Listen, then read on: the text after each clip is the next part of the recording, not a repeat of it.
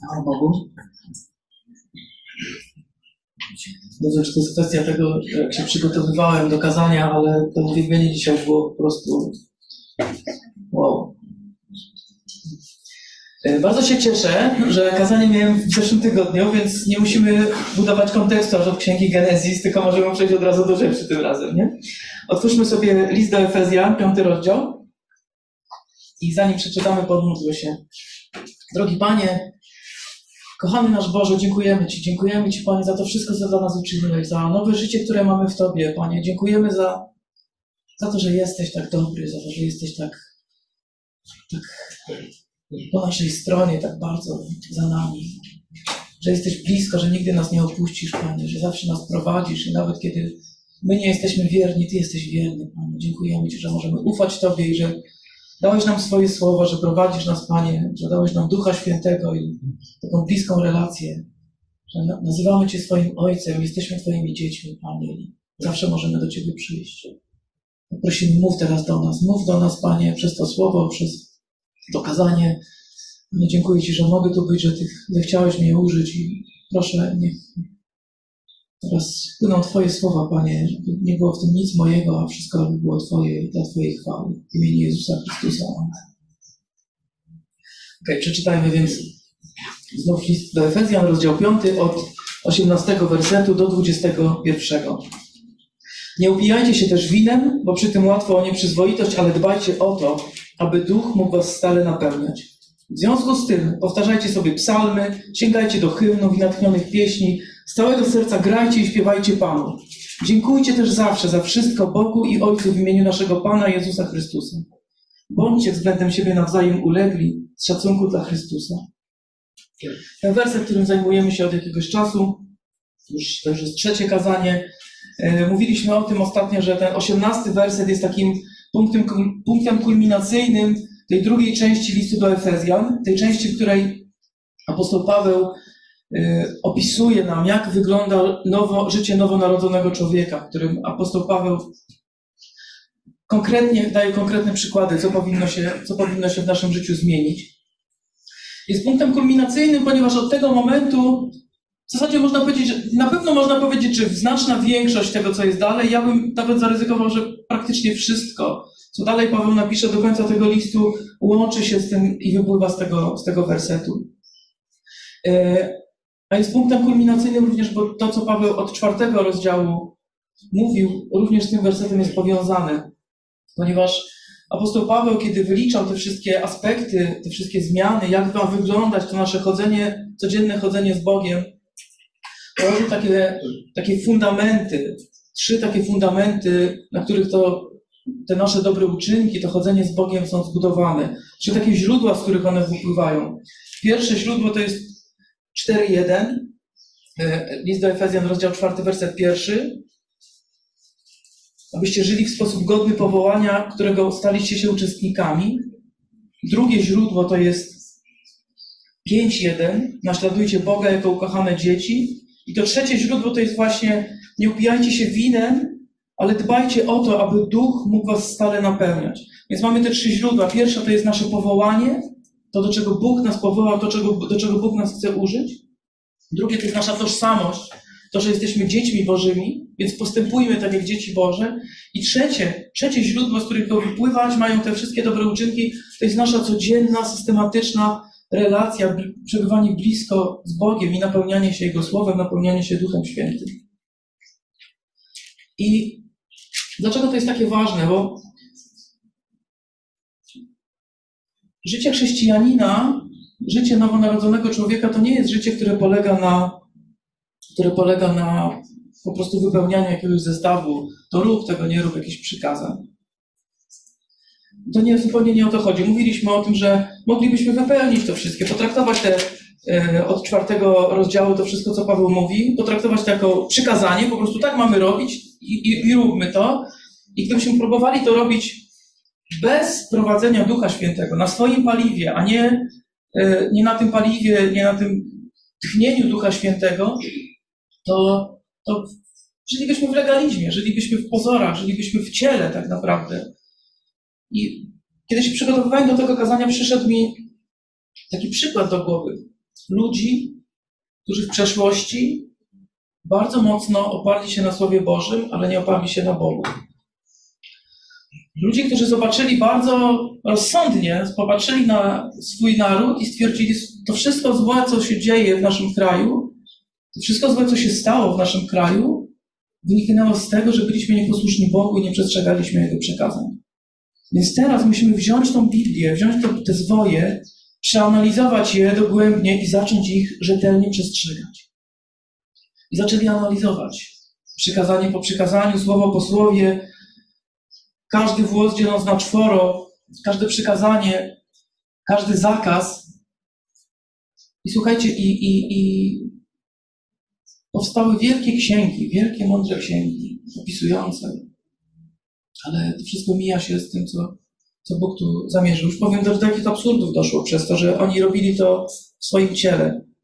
Jest na przykład przykazanie, które mówi o tym, że w szabat nie będziesz pracował.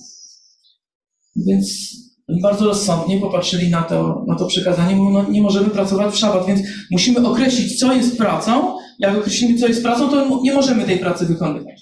My się tego nauczymy i na, narzucimy to innym. Tak nauczymy tego innych. Więc zaczęli zastanawiać się, co jest pracą. No i tak.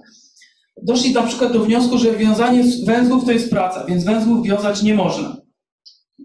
Ale tu pojawił się problem, bo szaty, które ubierali codziennie, no nie było guzików ani zamków błyskawicznych, były węzły i trzeba te węzły było wiązać.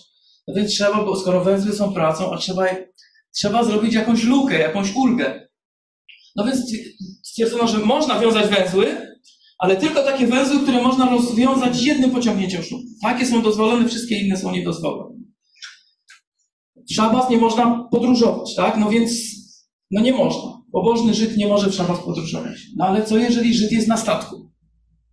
To co powinien zawinąć do portu? Czy może podróżować, czy nie może podróżować? Więc stwierdzono, że okay, statek się nie liczy. Na wodzie można podróżować, a gdzie indziej nie można podróżować. I słuchajcie, to doszło do takiej, zrobiły się takie chore pętle, że do dzisiaj ja słyszałem, ja nie, nie znam takich osób, bo znam mało Żydów, ale do dzisiaj słyszałem, że są ludzie, którzy jak muszą w sobotę jechać pociągiem, to biorą butelkę wody pod tyłek, żeby jechać na wodzie, tak? Żeby nie łamać tego przykazania.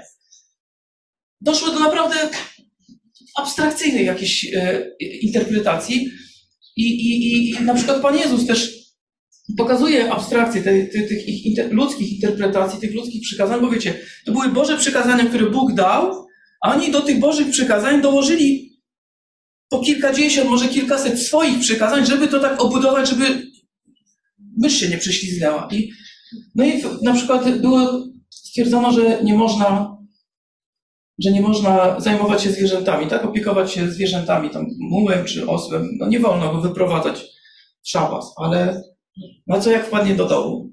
No to wtedy można go wyjąć, tak? I jak Pan Jezus uzdrowił tego sparaliżowanego człowieka, który przez kilkadziesiąt lat był w takim dole niemocy i nie mógł się ruszyć, to to dla nich to był skandal, że jak on mógł, że jak on mógł w ten święty dzień wykonać pracę, uzdrawiając tego człowieka, tak? To jest po prostu jakiś skandal. I, no i tutaj Pan Jezus im punktuje, mówi, no ale jakby wam osioł wpadł do studni, to byście go wyciągnęli, tak? A tutaj nie pozwolicie pomóc człowiekowi.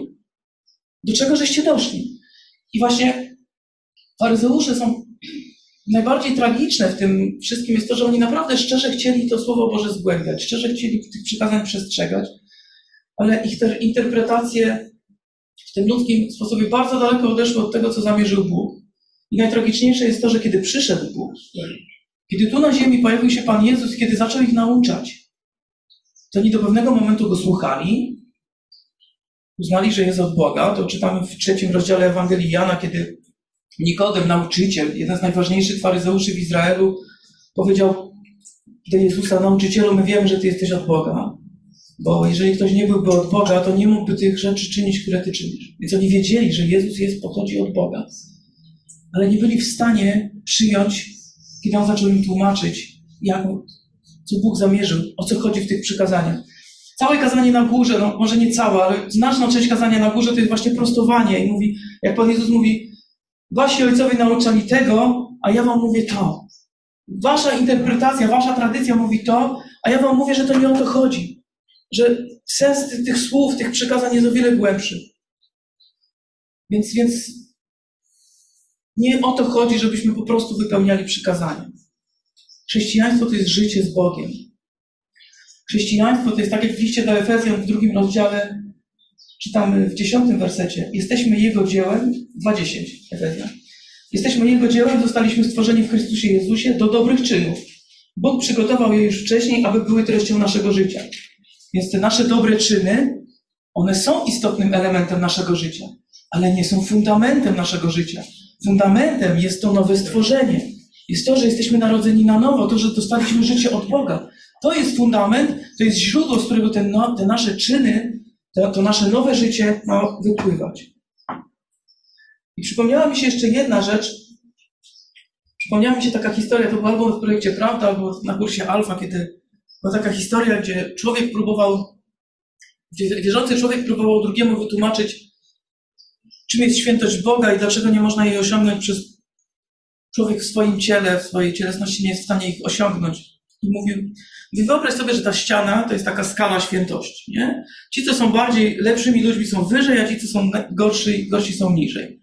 No jakbyś tutaj posegregował ludzi? No i ten człowiek mówi, no, no tacy Hitler, Stalin to pod, pod, przy podłodze, tam dzielnictwa dookoła albo niżej, e, a no tacy dobrzy, nie wiem, Matka Teresa z Kalkuty, no to oni tam gdzieś pod sufit, tak? Święty Paweł to tam pod sufit. No a ty, a ty gdzie byś się umiejscowił? No nie no gdzieś tak w połowie tej ściany, nie? Okej, okay, no i, i teraz zobacz, to jest perspektywa ziemska. My widzimy tyle. Jak się postaramy z wszystkich sił, to może gdzieś tam do tego sufitu sięgniemy. A teraz wyjrzyj przez okno. Widzisz niebo? To jest Boży standard, do którego jesteśmy powołani, żeby dążyć. Nie jesteśmy w stanie, my w swoim ciele jesteśmy w stanie dojechać, jak się bardzo postaramy, do sufitu. A Bóg chce, żebyśmy dobiegli, dolecieli do nieba. I możemy to zrobić tylko w jeden, jedyny sposób. Pozwolić Chrystusowi wziąć nas w swoje ręce i unieść nas do tego nieba. W Nim możemy osiągnąć to właśnie przez nowe życie. W starym człowieku tego nie zrobimy. W naszym ciele tego nie zrobimy, tylko Duch Święty może, tak jak mówiliśmy wczoraj, wypełnić ten żagier naszego życia i pchnąć nas w tym kierunku, i pchnąć nas tam, gdzie chce nas użyć, tam, gdzie chce nas widzieć. W Chrystusie. Dopiero w wieczności osiągniemy tą świętość, którą, której Bóg od nas oczekuje. I mówiliśmy o, też o tym, jeszcze raz powiem, podkreślę to, chrześcijaństwo to jest droga, droga z Bogiem, droga, droga w relacji z Bogiem, droga w modlitwie, droga, w, tak jak Jarek się modlił, abyśmy, jesteśmy wezwani, aby Słowo Chrystusa mieszkało w nas obficie. Jesteśmy wezwani, aby wypełniać, pozwolić Duchowi Bożemu nas wypełniać. To nie jest tylko kwestia wypełniania jakichś przykazań i legalizmu. I te wersety, które żeśmy teraz czytali, od 18 wersetu do 21, podzieliliśmy na takie trzy grupy, na trzy części. Pierwsza część to jest w wersecie 18 zakaz i również w wersecie 18 przykazanie, nakaz. I powiedzieliśmy, że te dwa, ten zakaz i to przykazanie są w takim wyraźnym kontraście. I od 19 wersetu czytamy o tych owocach, o konsekwencjach tego bycia napełnionym Duchem Świętym. E, nie upijajcie się też winem, bo przy tym łatwo o nieprzyzwoitość, ale dbajcie o to, aby Duch mógł was stale napełniać. Kwintesencją tego, to już żeśmy ten, ten werset już żeśmy dość dobrze rozłożyli na czynniki pierwsze. Kwintesencją tego nauczania apostoła Pawła jest to, żeby on wzywa Efezjan, mówi, nie budujcie swojego duchowego życia, nie budujcie swojego duchowego życia na cielesnych fundamentach. Nie budujcie swojego kultu, waszego uwielbienia dla Boga na cielesnych fundamentach. Nie musicie już tego robić. I to nie ma żadnego sensu. Zobaczcie, jakie owoce to przynosi. Kiedy w starym życiu upijaliście się winem, aby oddać cześć Bogom, czy to przyniosło coś dobrego? Nie, to do czego to doprowadziło? To doprowadza do nieprzyzwoitości. To jest owoc. Popatrzcie na owoce tego zachowania. To rodzi nieprzyzwoitość. Ale jesteście nowym stworzeniem, więc nie musicie już oszukiwać swojego umysłu, znieczulać swojej świadomości, żeby wejść w jakiś inny stan, być lekko otumanionym i potem sobie wmawiać, że spotkaliście się w ten sposób z Bogiem. Wy musicie pozwolić, żeby ten duch, którym jesteście zapieczętowani, który zamieszkał w was, którego świątynią jesteście, aby on was wypełnił. Tak jak mówiliśmy Tak jak ten flakon stłuczony, kiedy Maria stukła flakon z tym olejkiem i namaszczała stopy Pana Jezusa, to ta woń tego, tych perfum wypełniła całe pomieszczenie. One były wszędzie odczuwalne. Sądzę, że nawet poza tym pomieszczeniem, jak ktoś drzwi otworzył, to one unosiły się, ten zapach się unosił. I wy musicie budować wasze duchowe życie, wasz duchowy kult, waszą relację z Bogiem na, na duchowych fundamentach. Pozwólcie Duchowi Świętemu, niech Jego zapach wypełni was. Niech, niech On przejmie nad wami kontrolę. Niech ten, ten żagiel waszego życia będzie ustawiony w ten sposób, żeby ten wiatr Ducha Świętego mógł was napełniać ten żagiel i was prowadzić tam, gdzie On chce was poprowadzić. Tego tutaj Paweł naucza. I mówiliśmy o tym, że jest ten taki kontrast między cielesnością a duchowością, że, że, że właśnie jest ta, z jednej strony mamy to pijaństwo, z drugiej strony mamy napełnienie Duchem Świętym. I przywoływaliśmy fragment, do którego dzisiaj też nawiążemy z piątego rozdziału listu do Galacjan i również z e, czwartego rozdziału listu świętego Jakuba, gdzie bardzo wyraźnie jest powiedziane, że albo w jedną, albo w drugą. Albo żyjesz duchowo, albo żyjesz cieleśnie. I nie da się tego pogodzić. Musisz wybrać drogę. Albo będziesz wypełniał się tym alkoholem, pozwolił przejmować mu kontrolę nad swoim ciałem i dojdziesz do pijaństwa. I tutaj sądzę, że można to rozciągnąć na całą cielesność. To nie tylko chodzi o pijaństwo, ale pozwolisz ciału, że będziesz żył zgodnie z tym, co mówi Twoje ciało, albo krok po kroku, dzień po dniu będziesz przybliżał się do Boga i będziesz dbał o tą relację. Bo to wypełnianie Duchem Świętym z nim nie jest tak jak ze zbawieniem, że to jest jeden krok, który zmienia wszystko. Tak? To nie jest tak, że w momencie, kiedy przychodzimy do Boga i, i oddajemy Mu Jezusowi swoje życie, uznajemy Go za swojego Pana, to wszystko się zmienia. To jest jeden krok, który zmienia wszystko. Który zmienia wszystko. Umieramy i rodzimy się na nowo. Natomiast to napełnianie się Duchem Świętym to są, to są codzienne, małe kroki, systematyczne. To nie jest tak, że jak napełnisz się Duchem Świętym, to nagle zaczniesz unosić się nad ziemią i, i coś spektakularnego się będzie działo. Ale to są, jesteśmy wezwani do takiej codziennego posłuszeństwa, do codziennej, bliskiej relacji z Bogiem, do codziennego napełniania się Jego Słowem, do codziennego bycia blisko Niego, doświadczania Jego obecności. O to tu chodzi. Jak będziemy to robić, to pojawią się, pojawią się owoce, to pojawi się ta pieśń, o której za chwilę będziemy mówić. Ale zanim do tej pieśni dojdziemy, chciałbym, żebyśmy otworzyli na chwilkę list do Galacjan, żebyśmy zobaczyli skąd ta pieśń się bierze. List do Galacjan, rozdział 5. Od wersetu 16. Galacjan 5 od 16. Podkreślam natomiast, żyjcie w duchu, a na pewno pokonacie rządzę ciała. Ciało bowiem pożąda przeciw duchowi, a duch przeciwko ciału. Te pragnienia są ze sobą sprzeczne, tak by wam przeszkodzić w czynieniu tego, co chcecie. Jeśli jednak duch was prowadzi, nie podlegacie prawu. Wiadomo, co bierze się z ciała. Nierząd, nieczystość, rozpusta, oddawanie czci bożyszczom, wróżbiarstwo, wrogość, kłótliwość, zazdrość, porywczość, zaczepność, krnąbrność, brak troski o jedność, zawiść, chęć mordu, pijaństwo, rozpasanie i tym podobne. Zapowiadam wam teraz, tak jak czyniłem to wcześniej, że ci, którzy tych rzeczy dopuszczają się, nie odziedziczą Królestwa Bożego. Owocem zaś ducha jest miłość, radość, pokój, cierpliwość, uprzejmość, dobroć, wierność, łagodność, powściągliwość. Kiedy dbamy o to, aby Duch Boży nas napełniał, kiedy dbamy o to, aby Słowo Chrystusa mieszkało w nas obficie, to pojawią się te owoce.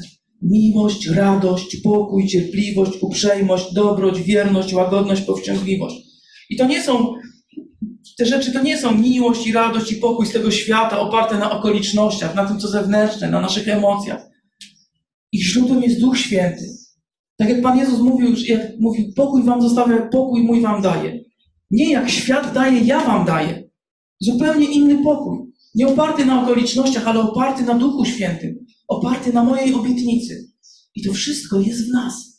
Kiedy trwamy przy Bogu, te owoce są w nas.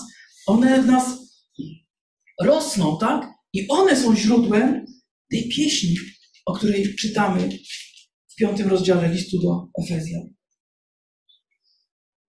Otrzymujemy nowe życie. Otrzymujemy nową tożsamość.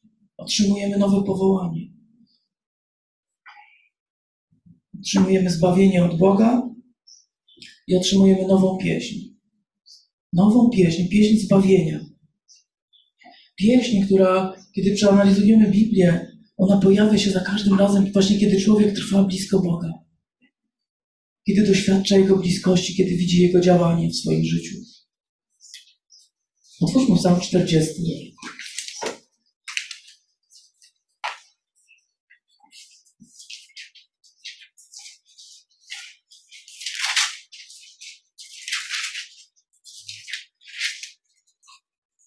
Psalm 40. Z tęsknieniem czekałem na Pana i On skłonił się ku mnie i wysłuchał mojego wołania. Wyciągnął mnie z przepaści zagłady. Wyprowadził z grząskiego błota i postawił moje nogi na skalę. Zagwarantował mi pewny krok. Włożył w moje usta pieśń nową, pieśń pochwalną dla naszego Boga. Wielu to zobaczy i ogarnie ich lęk i zaufają Panu. O jak szczęśliwy jest człowiek, który złożył swoją ufność w Panu i nie zwraca się do wyniosłych, ani do ludzi pogrążonych w kłamstwie. Ty, Panie, mój Boże, dokonałeś wielkich dzieł. W Twoich cudach i planach wobec nas nikt Ci nie dolubi. To tylko jeden z przykładów nowej pieśni. Psalm 96. Pamiętam ten psalm, jak byłem w wieku mojego Filipa. Mniej więcej. Siostra na religii poprosiła mnie, żebym zaśpiewał go w kościele i został do dziś. Dzisiaj zupełnie inaczej na niego patrzę. Śpiewajcie Panu nową pieśń. Śpiewaj Panu cała ziemia. Śpiewajcie Panu i błogosławcie Jego imię. Dzień po dniu nieście dobrą wieść o Jego zbawieniu. Psalm setny, który dzisiaj Krzysztof tutaj przy, przytoczył na początku, którym rozpoczął. To wszystko jest pieśń, nowa pieśń, która jest w naszych sercach. Dzięki Bożemu działaniu, dzięki doświadczaniu tego, co Bóg robi w naszym życiu.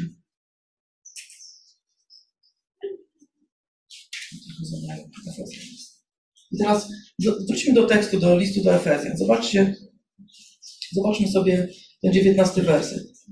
W związku z tym powtarzajcie sobie psalmy, sięgajcie do hymnów i natchnionych pieśni.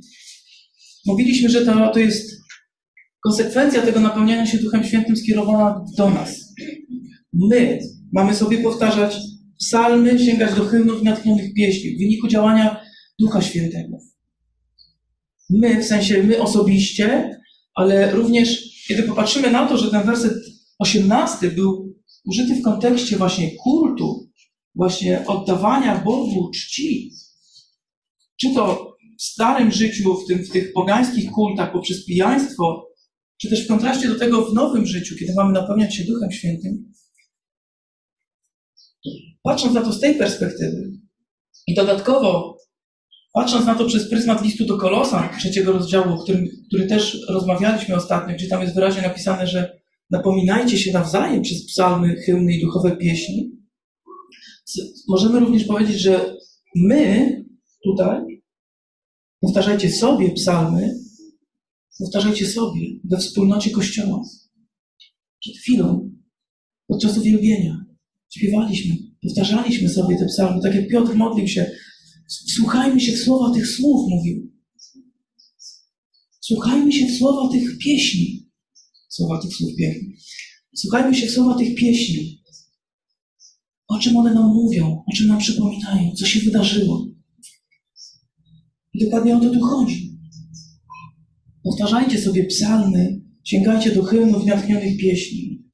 Wiecie, badacze tutaj różnie, no bo Apostoł Paweł wyraźnie rozdziela psalmy, hymny, natchnione pieśni.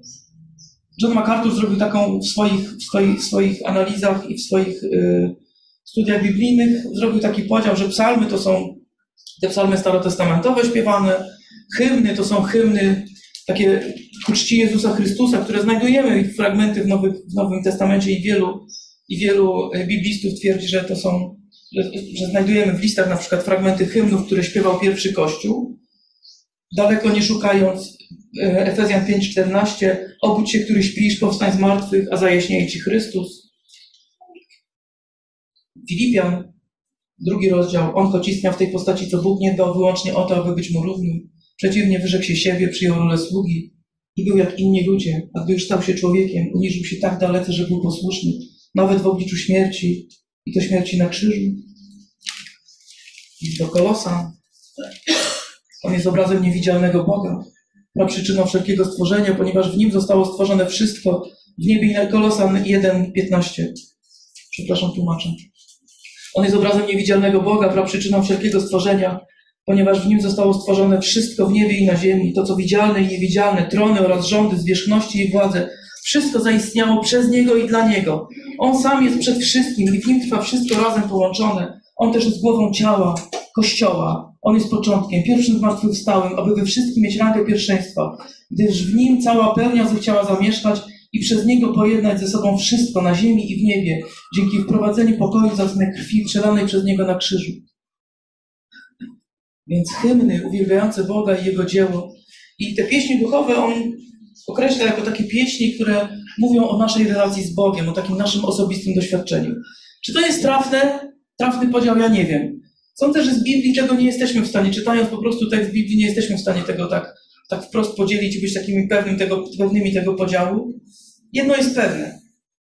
Czy to psalmy, czy hymny, czy duchowe pieśni, wszystkie to są pieśni skierowane, mówiące o tym, co Bóg dla nas uczynił. To są takie pieśni, jak tutaj dzisiaj żeśmy śpiewali. Ja bym nie, nie podjął się podzielić, że pierwszy to był psalm, drugi to był hymn, a trzecia to była duchowa pieśń. Bo wiecie, wydaje mi się, że to ma drugorzędne znaczenie. O wiele ważniejsze jest serce. Z całego serca grajcie i śpiewajcie. Z całego serca grajcie i śpiewajcie.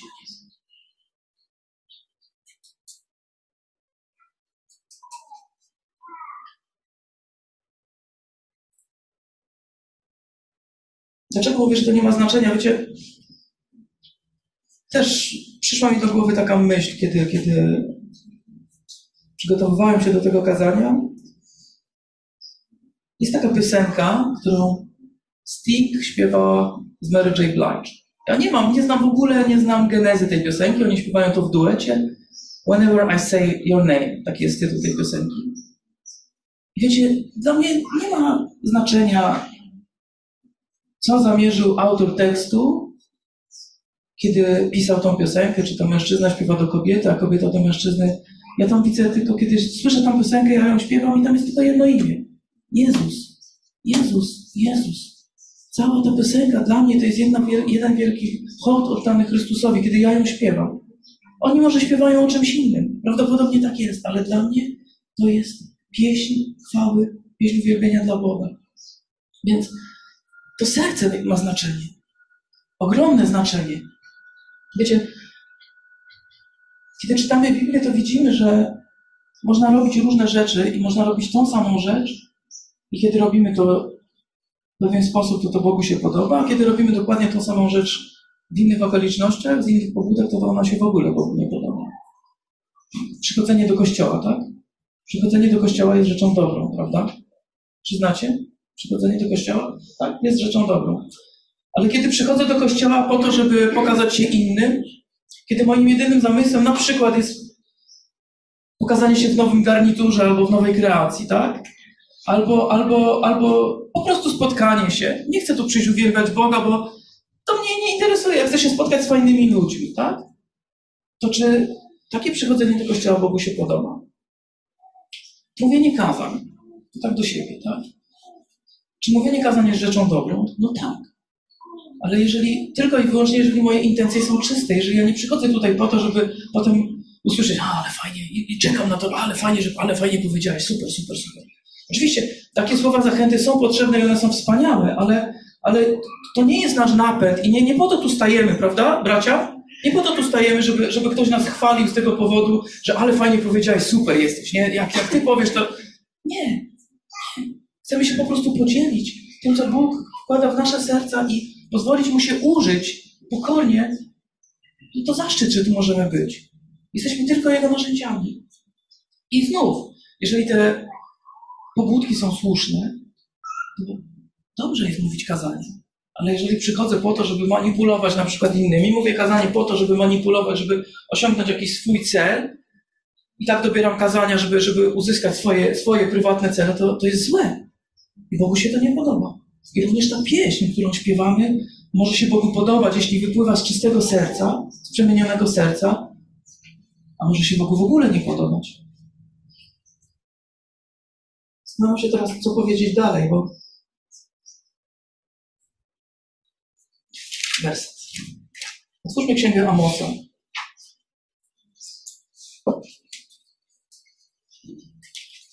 Księga Amosa. Mogę sobie zaznaczyć. Zawsze jest znaleźć. Jest. Księga Amosa. Rozdział 5. Ktoś ma tą Biblię, to 1134 strona. Pan Bóg zwraca się do Izraelitów. Mówi o swoim sądzie. Tak, od 20 wersetu. 5, Amosa 5 od 20 wersetu. Tak, dzień Pana to ciemność, nie światło, mrok, a nie żaden blask. Mówi tu o tym, że przyjdzie sąd. Nienawidzę waszych świąt, odrzucam je. Nie pachną mi wasze uroczystości. Nawet gdy mi składacie te całopalenia i ofiary z pokarmów, nie odczuwam przyjemności. Nie patrzę na ofiary pojednania z waszych tucznych cieląt. Zabierzcie ode mnie jazgot waszych pieśni. Nie chcę słuchać brzdękania waszych lutni. Niech raczej prawo popłynie strumieniem i sprawiedliwość niczym potok wieczny. Zobaczcie, co tutaj Pan Bóg mówi. Między innymi o pieśniach, ale on mówi tutaj o całym kulcie. On mówi, że nawet kiedy oni przestrzegają przykazań Starego Przymierza, kiedy przychodzą z tymi ofiarami pojednania do Niego, ale ich serce jest złe, niewłaściwie nastawione, to Bóg nie widzi tych ofiar, on się nimi brzydzi, on je odrzuca. Nienawidzę waszych świąt. Nie odczuwam przyjemności. Nie patrzę na ofiary pojednania z waszych tucznych cieląt, a wasza muzyka to jest jazgot. Jazgot waszych pieśni, bo wasze serca są złe. Dokładnie to samo Pan Jezus mówił w kazaniu na górze. Mówi, kiedy przychodzisz złożyć ofiarę w świątyni, kiedy jesteś już przed tym kapłanem i chcesz tą ofiarę oddać i przypomnisz sobie, że twój brat ma coś przeciwko tobie, to zostaw tą ofiarę. Wróć na początek kolejki, ale zanim wrócisz na początek kolejki, idź i pojednaj się ze swoim bratem. Twoje serce musi mieć właściwe nastawienie, musi być przygotowane. I podobnie, kiedy śpiewamy te pieśni tutaj, nasze serca muszą mieć właściwą postawę. Muszą mieć właściwą postawę, wypływającą właśnie z Bożego działania w naszym życiu. Bardzo ważna jest też kolejność. Chciałbym też na to zwrócić uwagę, że uwielbienie na początku nabożeństwa nie jest po to, żebyśmy wprowadzili się w jakiś fajny nastrój. Nie w tą stronę. Pieśni nie są po to, żebyśmy poczuli się lepiej, żebyśmy poczuli się bliżej Boga. Te pieśni są po to, żebyśmy mogli wyrazić to, co jest w naszym sercu. Wiecie, są. Ja byłem w takim kościele, gdzie uwielbienie jest skonstruowane w ten sposób, żeby ludzie wręcz wprowadzić w taki trans. W taki trans. I jeżeli, oczywiście, jeżeli serce ma właściwe nastawienie, to nie ma w tym nic złego. Ale, ale to nie może być cel sam w sobie. Źródłem naszego uwielbienia, źródłem naszych pieśni ma być przemienione serce. Serce, w którym działa Duch Święty, w którym są owoce. Miłość, pokój, radość i tak dalej, i tak. Serce, które trwa przy Bogu i które jest wypełnione Jego Duchem. I zobaczcie, co jest niesamowite. Mówiłem, że to jest dla nas, tak? Że to jest ukierunkowane, ten, ten owoc jest dla nas, bo powtarzajcie sobie. Ale kiedy powtarzamy sobie psalmy, sięgamy do hymnów natchnionych pieśni, kiedy powtarzamy sobie te wszystkie wspaniałe rzeczy, odtwarzamy w swojej głowie to, co Bóg dla nas zrobił, utwierdzamy się w tym, przypominamy sobie, to co się dzieje? Z całego serca grajcie i śpiewajcie Panu. To, to, co dostajemy, zostaje przekierowane, przetworzone w nas, dostajemy wielką radość i to uwielbienie znów jest skierowane do Boga. Tak? On jest adresatem naszego uwielbienia, On jest adresatem naszych pieśni. I teraz zobaczcie na to, co mówiłem wcześniej, o tych trzech źródłach, o których Paweł pisał. źródło, którego to napełnienie Duchem Świętym, tak? Tu bezpośrednio o tym mówimy. Drugie źródło, nasze powołanie. Tak? Postępujcie w sposób godny waszego powołania. Uwielbianie Boga jest naszym wiecznym powołaniem. Kiedy staniemy w niebie, kiedy będziemy w niebie przed Bożym Tronem, będziemy Go stale uwielbiać. Otwórzmy objawienie Jana. Objawienie Jana, rozdział 5, od 9 wersetu, od 8 nawet. Gdy baranek przejął zwój, upadł przed nim, gdy, gdy baranek przejął zwój, upadły przed nim cztery istoty. Upadło też 24 starszych, z których każdy miał cytrę oraz złotą czaszę napełnioną wonnościami, czyli modlitwami świętych. Zaśpiewali oni nową pieśń tej treści. Godny jesteś wziąć zwój i zdjąć jego pieczęcie, gdyż byłeś zabity, a swoją krwią nabyłeś dla Boga ludzi z każdego plemienia, języka, ludu i narodu. Uczyniłeś ich dla Boga królestwem i kapłanami. Będą oni królować na ziemi. Wówczas usłyszałem głos wielu aniołów. Otaczali oni tron, istoty oraz starszych, a ich liczba wynosiła miliardy miliard i tysiące tysięcy. Ogłaszali donośnie. Godny jest zabity baranek wziąć moc i bogactwo, mądrość i siłę, cześć, chwałę i uznanie. Usłyszałem też, jak wszelkie stworzenie w niebie, na ziemi, pod ziemią i w morzu, wszystko, co je napełnia, wtórowało temu, który siedzi na tronie oraz barankowi, uznanie i cześć, chwała i moc na wieki. A cztery istoty, na a cztery, cztery istoty natomiast powtarzały Amen. A starsi upadli i złożyli mu pokój. To jest nasze przeznaczenie, to jest nasze powołanie. Oddawanie Bogu chwały. I dziś, kiedy jesteśmy na nabożeństwie, kiedy Duch Święty w nas działa, to jest taka namiastka tego, co będziemy robić w niebie. I pamiętacie, mówiłem też o tym, że jest też, też ten trzecie, to trzecie źródło, o którym Paweł pisze w liście do w piątym rozdziale, w pierwszym wersecie. Naśladujcie Boga jako ukochane dzieci. I wiecie, niesamowite jest to,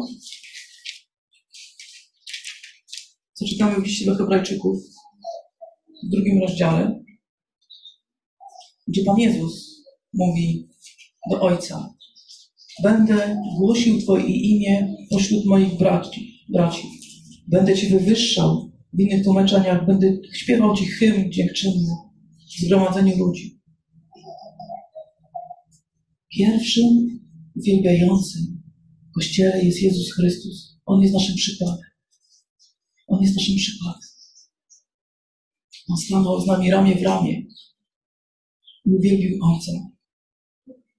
Zostawił nam Ducha Świętego, który wypełnia nas, który daje nam pieśń radości, byśmy ją nieśli Bogu, abyśmy ją śpiewali. Pieśń nowego życia. I za chwilę Robert zaśpiewa przepiękną pieśń. Przepiękną pieśń. Kiedy będziemy jej słuchać, niech słowa tej pieśni, niech słowa tej pieśni wypełnią nasze serca, wypełnią nasze umysły.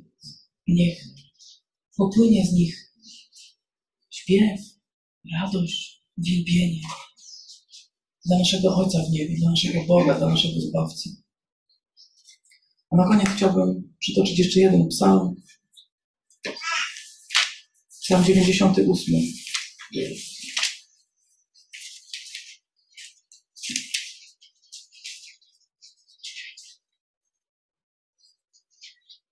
Psalm 98. Śpiewajcie Panu nową pieśń, gdyż dokonał cudownych dzieł. Jego prawica, tak, Jego święte ramię dało mu zwycięstwo. Pan objawił swoje zbawienie. Okazał swą sprawiedliwość na oczach narodów. Odwołał się do swojej łaski, do swojej wierności względem Izraela. I wszystkie krańce ziemi zobaczyły, jak nas zbawia nasz Bóg. Wznieś okrzyk na cześć Pana cała ziemio. Niech tryśnie radość, śpiew i muzyka. Zagrajcie Panu na cytrze. Na cytrze niech zabrzmi melodia. Zatrąbcie i przy dźwiękach rogu. Wznieście okrzyk na cześć Króla, na cześć Pana. Niech zaszumi morze i to, co je wypełnia. Niech świat oraz jego mieszkańcy. Niech rzeki klaszczą w dłonie, a góry zawtórują w wiwach. Pan bowiem idzie sądzić ziemię. On będzie sądził świat sprawiedliwie i ludy zgodnie z tym, co słuszne. Drogi Panie, drogi Panie, dziękujemy Ci, dziękujemy Ci, Panie, za to, że jesteś tak dobrym Bogiem, że dałeś nam nowe życie, Panie, że Twoja miłość odkupiła nas. I Ty, Panie, Twoja ofiara, Panie, spłaciła nasze długi. Ty, Panie, oddałeś wszystko. Oddałeś swoje życie. i umarłeś zamiast nas, byśmy mogli żyć razem z Tobą. Panie, Ty pokonałeś śmierć zmartwychwstałeś i my wraz z Tobą powstaliśmy do nowego życia. Życia w Tobie. Nowego życia. Nowe stworzenia, Twój lud. Prowadzeni przez Twojego Ducha, Pan. Wypełniani Twoim słowem. Trwający blisko Ciebie, nasz pasterzu. Wsłuchujący się w Twój głos. Wypatrujący Twojego oblicza. Pragniemy iść przez to życie, Panie. Wybierać Twoje drogi. Krok po kroku. Dzień po dniu. Decyzja za decyzją. Godzina po godzinie, Pan. Poddawać się Tobie. Podporządkowywać się Tobie, Pan. Iść za Tobą. Wypełnieni tym, co dla nas zrobiłeś. Radością, którą nam dałeś, Pan. Twoim słowem, Twoimi obietnicami, naszym przeznaczeniem, które jest zapieczętowane przez Ducha Świętego. Naszą nadzieją, Panie. Jako Twoje dzieci, jako powołani przez Ciebie, prowadzeni przez Twojego Ducha, pragniemy iść, przybliżać się do Ciebie każdego dnia. Pozwolić nam, byś Panie nas niósł, byś nas wypełniał, byś nas prowadził, abyś przejmował kontrolę nad naszym życiem. Krok po kroku, dzień po decyzja za decyzją. Dajemy się w Twoje ręce. I teraz, Panie, tak pragniemy uwielbić Twoje imię po raz kolejny dziś. Pragniemy oddać Ci cześć i chwałę. Niech ta pieśń, Panie, poruszy nasze serca. Niech z naszych serc wypłynie uwielbienie i dziękczynienie dla Ciebie. W imieniu Jezusa Chrystusa. Amen.